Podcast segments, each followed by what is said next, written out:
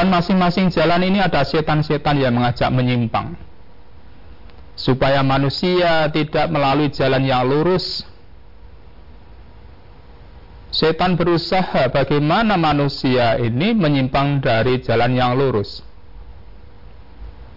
Dengan berbagai cara, berbagai upaya.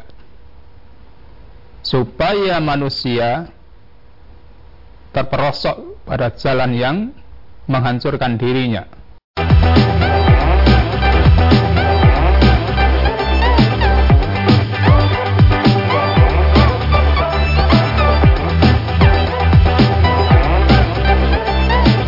Bismillahirrahmanirrahim. Assalamualaikum warahmatullahi wabarakatuh. Saudara pemirsa channel terpilih MTA TV di mana pun anda berada Puji syukur Alhamdulillah.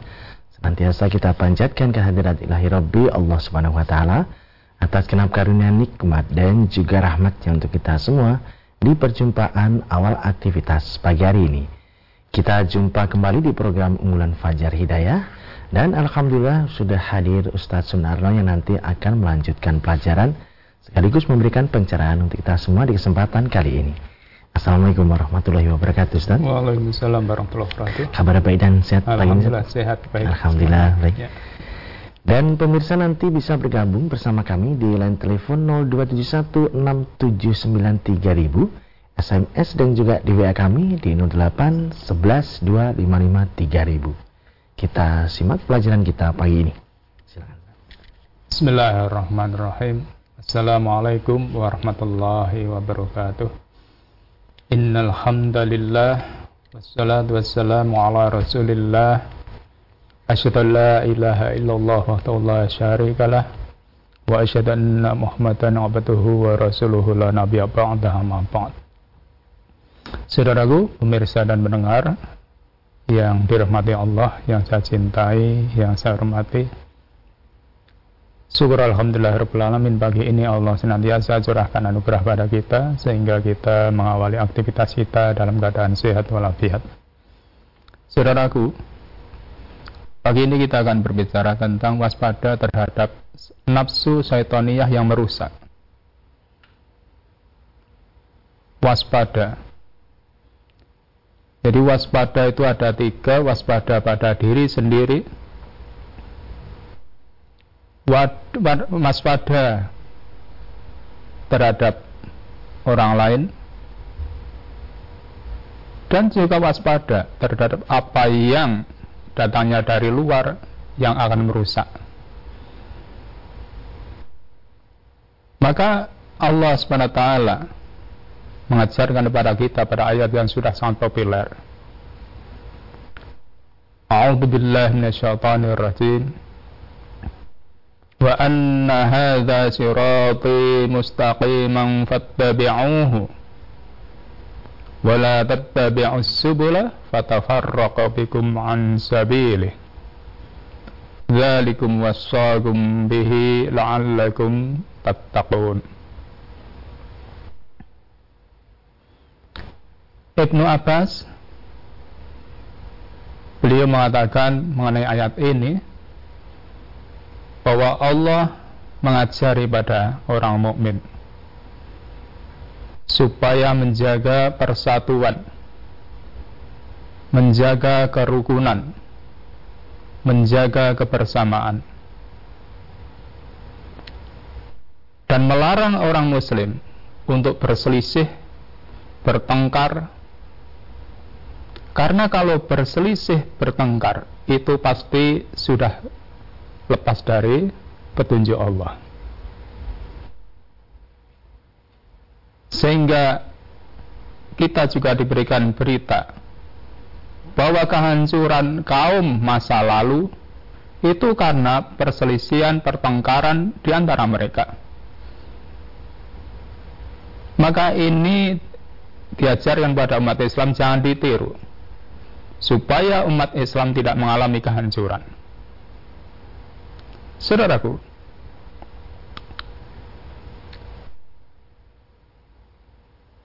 Nabi kita mengajarkan pada kita An Abi Wa'il an Abdullah qal khatta Rasulullah sallallahu alaihi wasallam khattan biyatihi Rasulullah membuat satu garis dengan tangan beliau. Sumakol kemudian Rasulullah bersabda, Hadza sabilullah mustaqima. Ini jalan Allah yang lurus, tegak lurus. Sumakol kemudian Rasulullah melanjutkan Summa khatta an yaminihi wa simalihi Kemudian Rasulullah melanjutkan garis-garis di kanan kirinya. Sebelah kanannya, sebelah kirinya. Kemudian beliau bersabda, hadis sabulu, inilah jalan-jalan. Jadi hadis subulu itu jalan-jalan. Walaysa minha sabilu illa alaihi syaitanu yada'u ilaih dan masing-masing jalan ini ada setan-setan yang mengajak menyimpang. Supaya manusia tidak melalui jalan yang lurus. Setan berusaha bagaimana manusia ini menyimpang dari jalan yang lurus. Dengan berbagai cara, berbagai upaya. Supaya manusia terperosok pada jalan yang menghancurkan dirinya Setan itu menjerumuskan manusia dengan berbagai cara. Ada yang terjerumus dengan senjata setan karena wanita. Ada yang terjerumus senjata setan karena kesombongan, keangkuhan, Dan masih banyak sekali apa yang menjadikan manusia itu rusak. Maka kita ini diajarkan jangan sampai hidup kita meleset dari petunjuk Allah. Suma qara'a kemudian Rasulullah membaca wa anna hadza sirati mustaqiman fattabi'uhu. Quran ini adalah jalanku yang lurus maka ikutilah dia. Jangan sampai mengikuti jalan-jalan yang lain. Karena jalan yang lain itu setan yang di situ yang dominan. Maka kita jangan mengikuti jalan yang lain.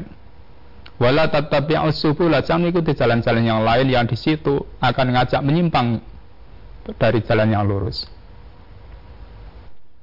Maka Allah mengingatkan pada orang-orang beriman, dalam surat Nur ayat 21 itu kita diingatkan. Ya ayyuhalladzina amanu hai orang-orang beriman. La tattabi'u khutuwatis syaitan. Janganlah kalian mengikuti langkah-langkah setan. Wa may yattabi'u khutuwatis syaitan. Siapa saja orangnya itu. Karena man di sini umum umum siapa saja itu orangnya orang kaya, orang miskin, orang berilmu, orang yang tidak berilmu. Kalau mengikuti langkah-langkah setan, fa innahu ya'muru bil wal mungkar. Karena setan itu selalu mengajak untuk berbuat faksha, fahisyah dan kemungkaran. Baik itu bentuk ucapan, baik itu bentuk perbuatan yang akan menjadikan manusia itu rusak. Baik itu merusak pada diri sendiri, merusak pada keluarga, dan merusak pada orang lain. Amal kita bisa rusak kalau kita mengikuti langkah-langkah setan. Mungkin ada riak, suka pamer, sehingga amal kita jadi rusak.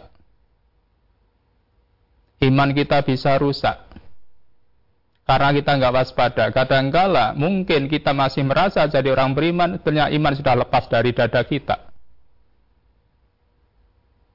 Rumah tangga kita pun bisa rusak kalau kita nggak jaga betul-betul.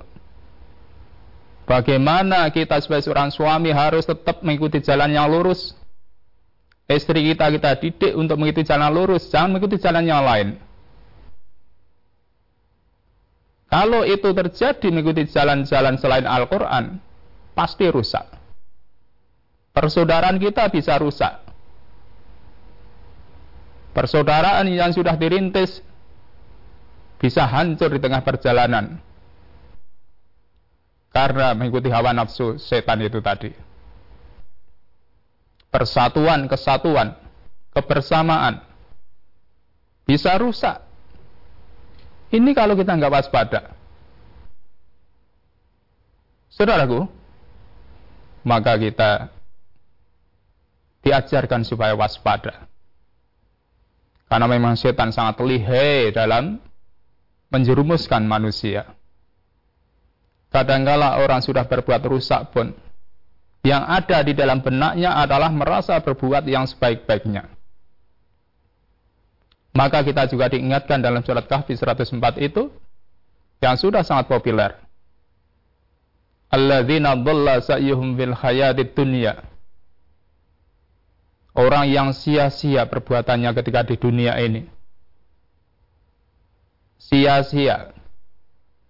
Wa menyaksabuna annahum yaksinuna sun'a sedangkan mereka mengira bahwa dia sudah berbuat sebaik-baiknya. Itulah tipu daya setan. Maka kita diajarkan supaya waspada. Maka kita ini supaya tetap berpegang teguh pada petunjuk Allah dan Rasulnya. Maka Allah melanjutkan firman-Nya tadi. Walola fatulullah alaikum warahmatuhu. Seandainya bukan karena kurnia Allah dan rahmatnya. Lah kurnia Allah ini petunjuk tadi. Maka kita orang Islam ini dianugerahi kurnia dari Allah petunjuk Petunjuk itu tidak lain pasti Al-Quran dan As-Sunnah. Dan itu merupakan rahmat yang Allah curahkan pada hambanya. Mazakka minhum min ahadin abada. Tidak ada seorang pun yang akan lolos dari perbuatan keji, perbuatan yang merusak karena mengikut langkah-langkah setan tadi. Saudaraku, maka dengan petunjuk Al-Quran itulah kita dibimbing terus meniti jalan yang lurus supaya akidah kita lurus, ibadah kita lurus, akhlak kita lurus, sehingga untuk meniti jalan keselamatan hidup sedang di dunia ini sampai akhirat kelak. Ini semuanya kalau kita tidak waspada, kita akan menjadi korban tipu daya setan tadi. Kemudian Allah melanjutkan firman-Nya, "Walakin Allah yuzakki may yasha." Namun Allah akan membersihkan menuntun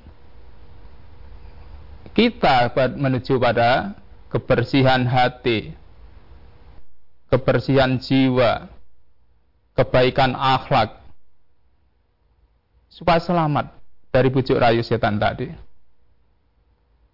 Mudah-mudahan kita termasuk yang dikendaki Allah. Wallahu sami'un alim. Allah yang mendengar. Lahi mahmatawi. Saudaraku, setan punya teman-teman yang membantu untuk menjerumuskan manusia sifat terperosok pada jalan yang menyesatkan. Maka Allah mengisyaratkan, memberikan tahu pada kita. Wa ikhwanuhum yamuttunahum fil ghayyi. Setan itu punya teman-teman yang akan membantu mendorong manusia untuk berlaku menyimpang, menyesatkan. Thumma la yunsorun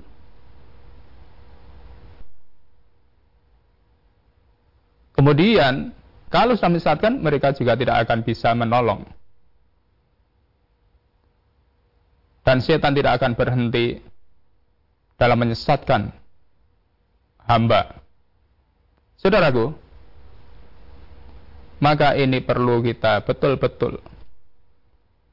Mari kita hidup kita, kita jaga.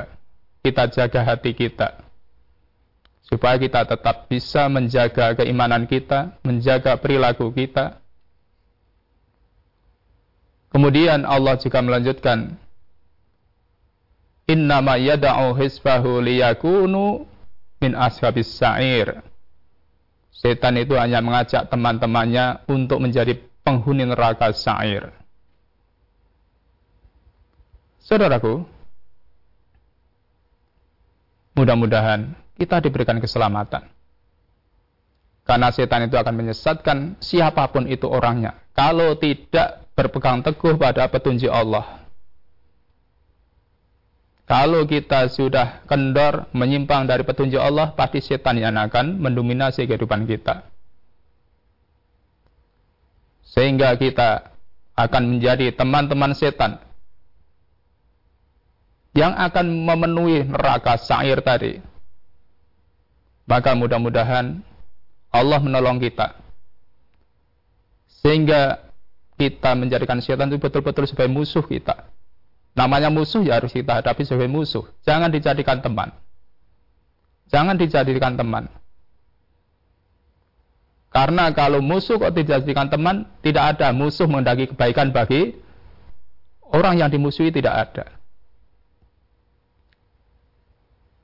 Maka kita mengharapkan pada Allah untuk selalu mendapatkan pertolongannya, mendapatkan taufiknya, sehingga kita diberikan kemampuan, kekuatan untuk selalu mengikuti petunjuknya sampai akhir hayat nanti. Saudaraku, mudah-mudahan kita terus waspada dalam menjalani hidup ini. Jangan sampai terkencang. Jangan sampai kita itu terpleset dari petunjuk Allah yang akhirnya hanya akan merusak kehidupan kita masing-masing. Mudah-mudahan Allah selalu akan memberi hidayah pada kita, memberikan petunjuk pada kita untuk selalu mengikuti jalannya yang lurus. Itulah saudaraku, semoga bermanfaat untuk saya dan kita bersama. Terima kasih. Ya.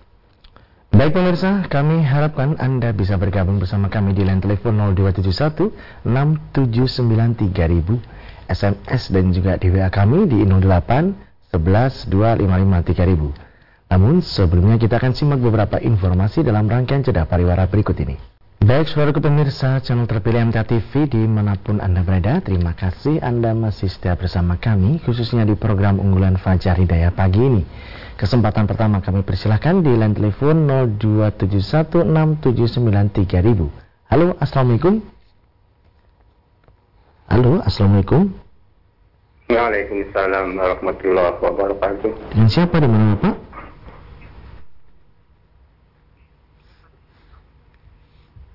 di Palembang ini Pak Hadi. Ya, silakan Pak Hadi.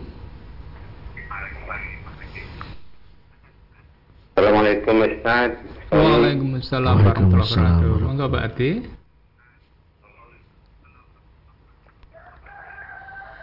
Sesuai dengan tema ini sebetulnya sudah saya tanyakan kemarin, cuma jawabannya saya belum nalar. Maka saya ulangi di sini. Begini Pak Ustaz di tempat saya itu ada pengeboran minyak tanah secara ilegal. Hasilnya bagi-bagi ikan persen untuk kepala desa, ikan persen untuk polisi. Yang saya tanyakan, usahanya seperti ini halal atau haram, Ustaz? Mohon menjelaskannya. Terima kasih. Wassalamualaikum warahmatullahi wabarakatuh. Waalaikumsalam warahmatullahi wabarakatuh. Yaitu termasuk usaha yang mestinya itu yang lula pemerintah. Jadi yang lula pemerintah ya.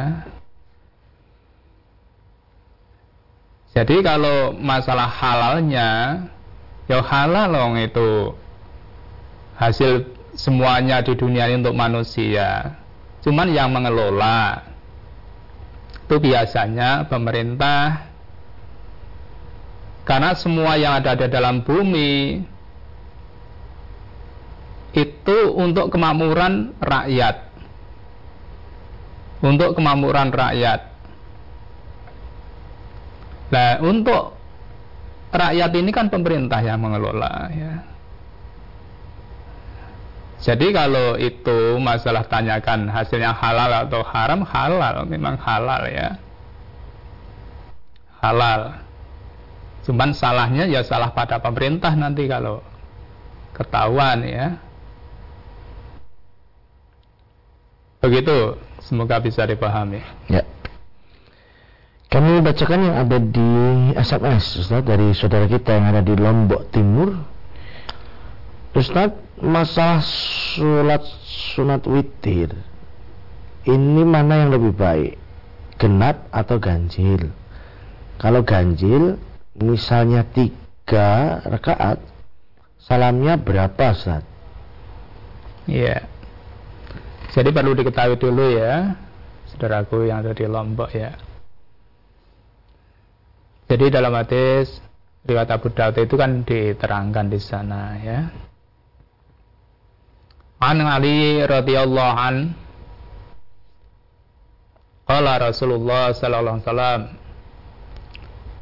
Ya ahlal Quran Ini kita umat Islam gitu ya Autiru Hendaklah kalian berwitir Witir itu artinya tunggal Tunggal Fa allaha witrun yuhibbul witra Allah itu tunggal dan senang mencintai yang namanya sholat witir tadi. Jadi kalau namanya witir itu tunggal. Witir itu bisa satu rekaat, barangkali kalau waktunya sudah mepet dengan subuh, bisa tiga rekaat dengan satu salam, bisa lima rekaat, satu salam, jadi witir itu tunggal. Maka kalau kita mau sholat witir, ya tunggal. Ini perlu dipahami. Jadi itu memang perintah pada kita supaya kita suka melakukan witir. Ya. Mestinya kita malam sholat tahajud dulu berapa rakaat, terus ditutup dengan witir. Lah witir itu tunggal. Witir itu tunggal.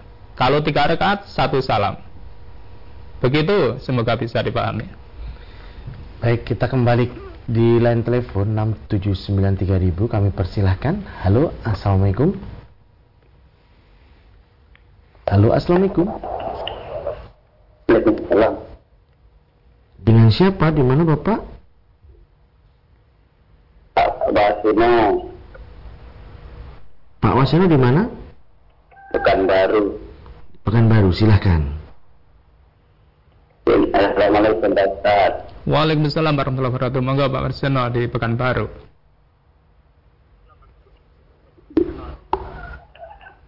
Menanyakan itu Pak, ada orang di sini dia dia ATK tapi eh, niatnya ATK sama mengirimkan doa kepada ar- arwah ibu bapaknya yang sudah meninggal. Apa itu bisa Pak Ustaz? Assalamualaikum warahmatullahi wabarakatuh. Waalaikumsalam warahmatullahi Coba wabarakatuh. ulang pertanyaannya. Mengirimkan doa untuk arwah ayah dan ibunya sudah meninggal. Iya. Jadi kita itu diajarkan mendoakan. Jadi mendoakan ibunya, orang tuanya yang sudah meninggal dan itu pun orang tua yang muslim. Jadi mendoakan bukan mengirimkan. Bukan mengirimkan. Jadi umpamanya kita itu berdoa pada orang tua. Rabbighfirli wali walidaya warhamhuma warhamhuma ini kita memohon pada Allah supaya menyayangi pada orang tua jadi kita ini diajarkan untuk mendoakan bukan mengirim doa jadi mendoakan pada beliau-beliau yang sudah wafat dan itu yang muslim, yang tidak muslim kita dilarang mendoakan. Kita dilarang. Jadi kalau masalah kirim mengirim doa itu tidak ada. Tidak ada. Nabi tidak melakukan begitu ya. Tapi kita diajarkan untuk mendoakan. Maka kita doakan saja kalau yang meninggal itu orang muslim. Begitu, semoga bisa dipahami. Baik, berikutnya Ustaz yang ada di WA dari Ibu Siti di Karanganyar menanyakan Ustadz dalam kelompok Jumat berkah yakni membuat takjil di hari Jumat di antara kelompoknya itu ada yang bermata pencarian bekerja di peternakan babi. Pertanyaannya, ap apakah halal atau sah atau dapat pahala atau tidak Ustaz sedekahnya itu? Ya. Jadi yang pertama ya tentu kalau orang yang rajin bikin sedekah Jum'ah mesti kan orang muslim. Jadi yang pertama yang perlu diluruskan mestinya cari kerja yang lain ya. Bukan di situ cari kerja yang lain. Jadi kita orang muslim ya jangan bekerja di pertenakan babi itu. Cari kerja yang lain. Insya Allah banyak pekerjaan yang lain. Kalau orang muslim loh ya. Kemudian ingin bersodakoh dengan cara membuat itu tadi makanan bagi para-para yang membutuhkan setelah habis Jumatan tadi. Jadi kita perlu paham. Innallaha tayyibun. Allah itu tayyib. Wala yakbalu ila tayyiban. Allah tidak menerima kecuali yang baik. Allah tidak akan menerima yang tidak baik. Yang diterima Allah itu cuma yang baik-baik saja. Lah kalau dari hasil yang tidak baik, dia tidak akan mendapatkan pahala apa-apa. Tidak akan mendapatkan pahala apa-apa.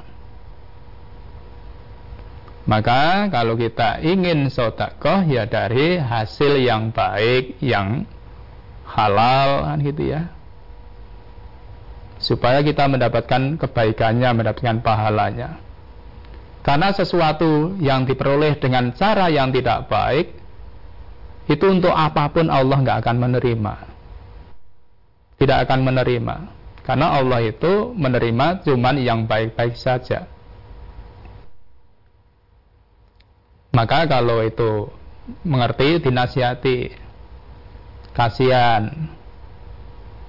Sehingga kebaikan-kebaikan yang dilakukan jangan sampai nanti tidak mendapatkan hasil apa-apa di sisi Allah SWT begitu semoga bisa dipahami Baik, masih ada kesempatan kami persilahkan kembali di line telepon 6793000. Halo, Assalamualaikum. Kita lanjutkan Ustaz yang ada di WA dari Ibu Sri di Purworejo. Ustadz, bagaimanakah cara mengetahui kalau iman kita itu turun atau naik? Mohon tausiahnya. Ya. Jadi memang iman itu yazitu wa yanqus. Bisa tambah, bisa kurang, bahkan bisa hilang. bahkan bisa hilang. Maka bagaimana kita untuk bisa mengetahui, mewaspadai jangan sampai iman kita ini hilang, berkurang. Maka tentu kita bisa merasakan. Karena iman itu kan labi tamani walabi tahalli. Iman itu kan bukan hanya pengakuan dan hiasan. Walakin mawaqqara fi qalb. Keyakinan yang mantap dalam hati lah. Kalau keyakinan kita sudah mulai kendor, ragu, nah di situlah keimanan kita berarti turun. Keimanan kita turun. Karena apa? Akidah kita luntur. Akidah kita luntur. Wa qaulun bilisan terpantul dari ucapan. Orang beriman itu kita diajarkan falyakul khairan auliyasmut. Kalau bicara mesti baik atau kalau tidak diam. Nah ini orang beriman kok bicaranya tidak baik. Lah di situlah kita bisa tahu itu imannya luntur, kendor, turun pasti. Namun kalau kita bicara yang baik, bicara yang bermanfaat, bicara yang menjadikan sebab Allah ridho, dan bicara-bicara yang lain untuk zikir dan sebagainya. Nah di situ, insya Allah iman kita naik. Namun kali sebaliknya, ya menurun. Wa amalu bil arkan bisa kita lihat dari perilaku kita, anggota badan kita. Kalau kita mengaku orang beriman, perilaku kita kan mesti perilaku yang menuju pada kemaslahatan hidup kita, baik untuk dunia dan akhirat. Tidak akan melakukan sesuatu yang merugikan, baik merugikan diri sendiri, keluarga maupun orang lain apalagi. Tidak hanya bisa dilihat dari sholatnya. Ya, sholat semakin tertib dan yang lain-lain. Suka membaca Al-Quran. Namun, perilaku, ucapan, akidah, itu yang perlu dipantau sehingga kita bisa merasakan kalau saat menurun segera diperbaiki segera diperbaiki jangan sampai berlarut-larut sehingga nanti iman kita hilang pun tidak terasa karena iman itu hilang lebih cepat daripada unta yang lepas dari tambatannya begitu semoga bisa dipahami baik kami persilakan di line telepon kembali. Halo, assalamualaikum. Halo, assalamualaikum. Halo. Waalaikumsalam warahmatullahi Ya, dengan siapa di mana ibu? Enak Eros, saya Ustaz Sumatera Utara, Ustaz. Silakan Eros. Oh ya, makasih. Assalamualaikum Ustaz. Waalaikumsalam warahmatullahi wabarakatuh. Monggo Ibu Ros Sumatera. Ini tanyaannya di luar tema bisa Ustaz? Bisa, bisa ya.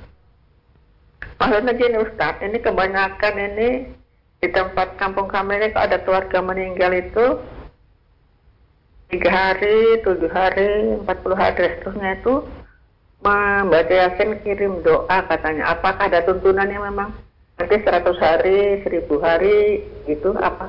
Memang ada tuntunan ya Ustaz? Kalau ada keluarga meninggal gitu Ustaz.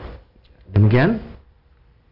Iya, terima ya. kasih Ustaz jawabannya. Assalamualaikum warahmatullahi wabarakatuh. Waalaikumsalam warahmatullahi wabarakatuh. Jadi itu ya, kalau itu yang melakukan orang lain, ya biarkan saja. Namun kalau kita orang Islam ibu, ya, kalau orang Islam, haknya mayit itu dimandikan, dikafani, disolatkan, dikubur, itu haknya. Tidak boleh dikurangi.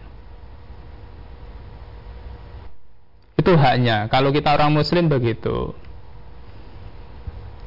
Nah kalau orang tidak muslim kita nggak perlu ikut campur.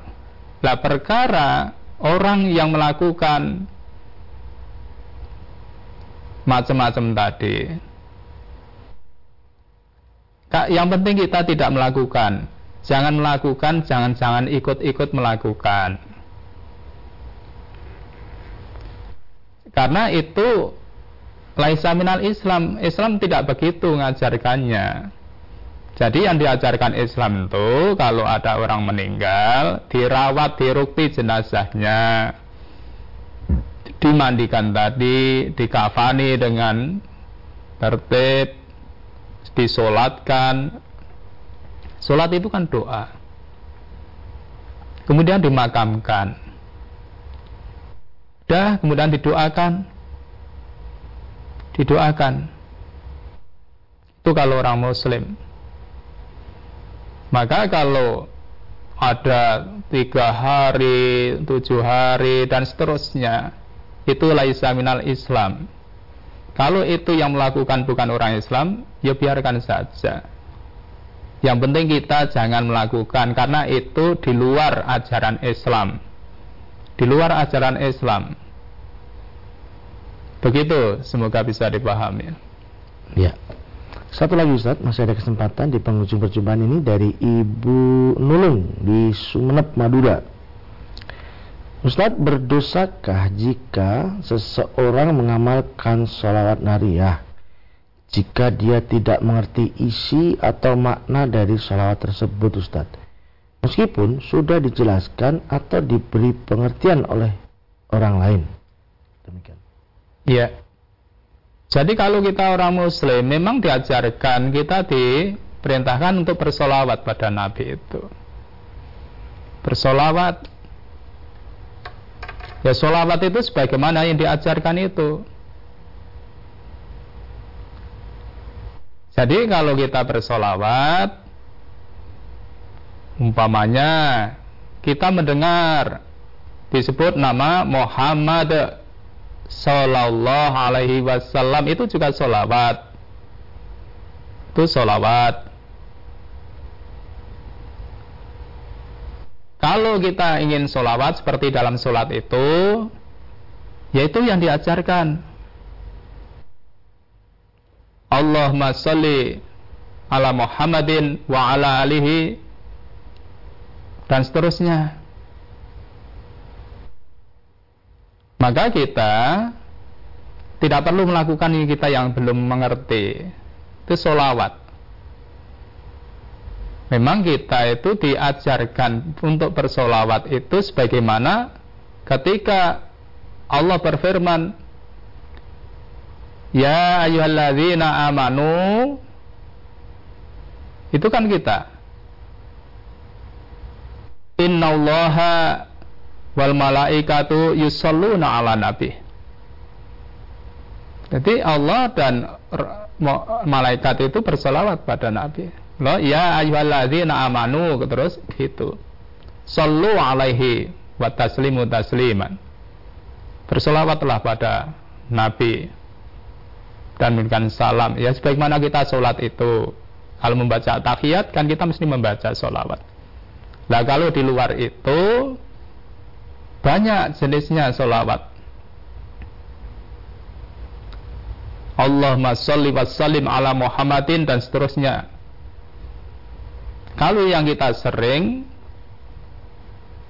Muhammad Sallallahu Alaihi Wasallam itu kan solawat juga. Yang kita nggak ngerti nggak perlu dilakukan. Begitu, semoga bisa dipahami. Hmm, ya. Baik Ustaz, kami sampaikan terima kasih atas pelajaran dan tausiahnya di kesempatan pagi ini Ustaz. Assalamualaikum ya. warahmatullahi wabarakatuh. Waalaikumsalam warahmatullahi wabarakatuh. Baik saudaraku pemirsa channel terpilih MTA TV di mana pun Anda berada Demikian tadi telah kita simak dan ikuti bersama program unggulan Fajar Hidayah pagi ini Kita jumpa kembali di kesempatan mendatang dan saya Tama Al-Fatani pamit undur Alhamdulillahirrahmanirrahim Subhanakallahumma wa bihamdika Asyadu ala ilaha illa anta astaghfirika wa Assalamualaikum warahmatullahi wabarakatuh